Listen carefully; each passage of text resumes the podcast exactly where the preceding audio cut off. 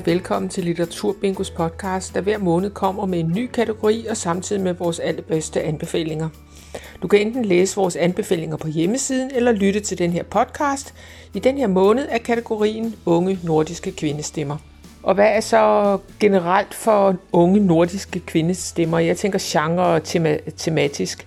Så er det sådan, det er en, synes jeg i hvert fald, en balance mellem det tragiske og det komiske. Altså det handler ofte om øh, det meget menneskelige nære og livets store linjer.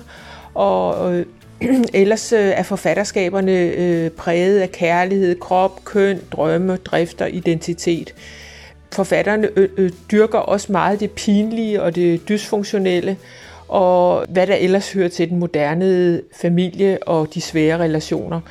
Mange af både romanerne og novellerne vil være genkendelige for mange, og øh, jeg håber, at I vil øh, læse rigtig mange af dem.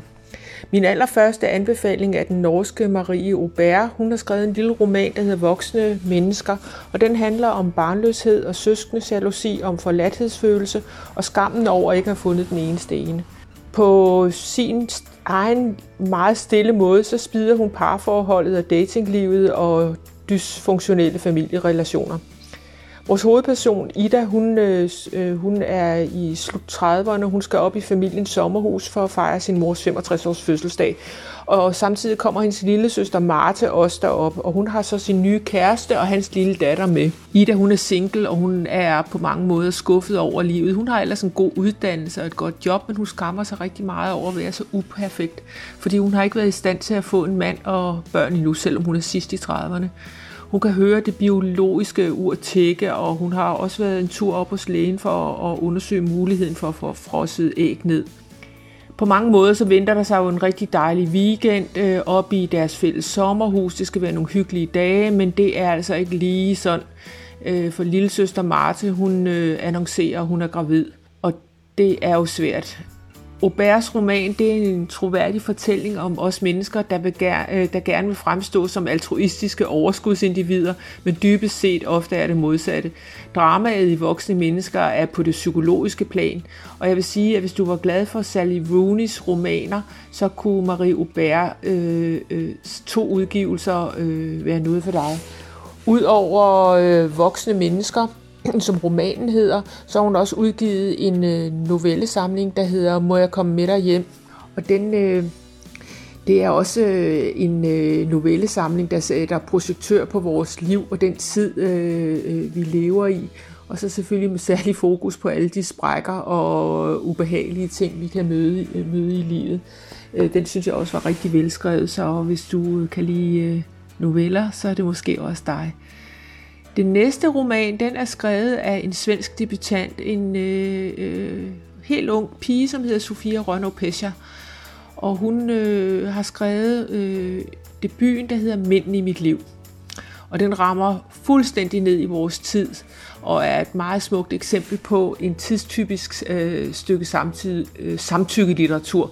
Oscar Wilde han skulle have sagt, at everything in the world is about sex except sex. Sex is about power. Og det citat er jo spot on for vores hovedperson Sonja, for alt hendes liv øh, handler om sex.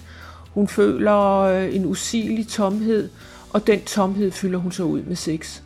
I de korte kapitler, øh, som øh, bogen indeholder, de er alle sammen nummereret efter det antal af sexpartnere, hun har haft. Og vi begynder med nummer 0, der er hun 16 år, og det er så et øh, samleje, der ikke rigtig lykkes. Derfor hedder det nummer 0. Og så er alle de andre øh, navne og personer, hun møder, det er bare blevet tal. Det er sexpart nummer 1, 2, 7, 10, og nogle af dem de er sågar slået sammen i bunter. Det, det synes jeg selv var en lille smule komisk. Det drejer sig om øh, kollegaer, studiekammerater og venners venner og Tinder dates og øh, alle mulige scoringer. Og det handler også om ulykkelige, ugengældte forelskelser, øh, som på alle måder fylder hende med tomhed og selvhed, og hun bliver også deprimeret, og hun har sådan en afgrundsdyb usikkerhed på, hvad, hvad det egentlig er, hun øh, øh er sat i verden for.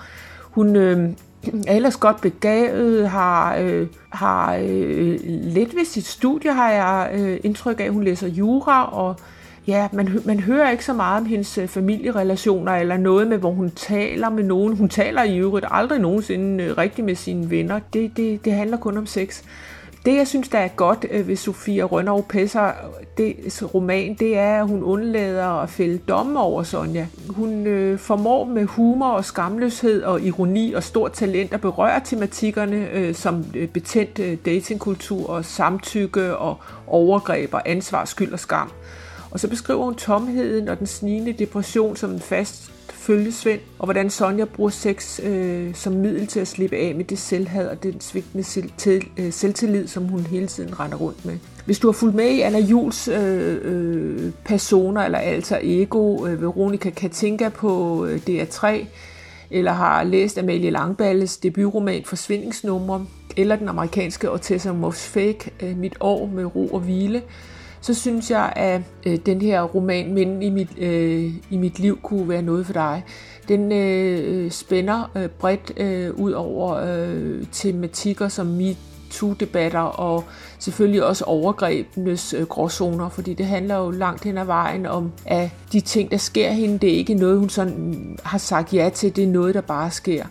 Så, så på mange måder så vil mændene i mit liv være både en stærk og debat, øh, et, et både stærkt og debatskabende bud på en øh, roman, der er spot on for 2021 læsere.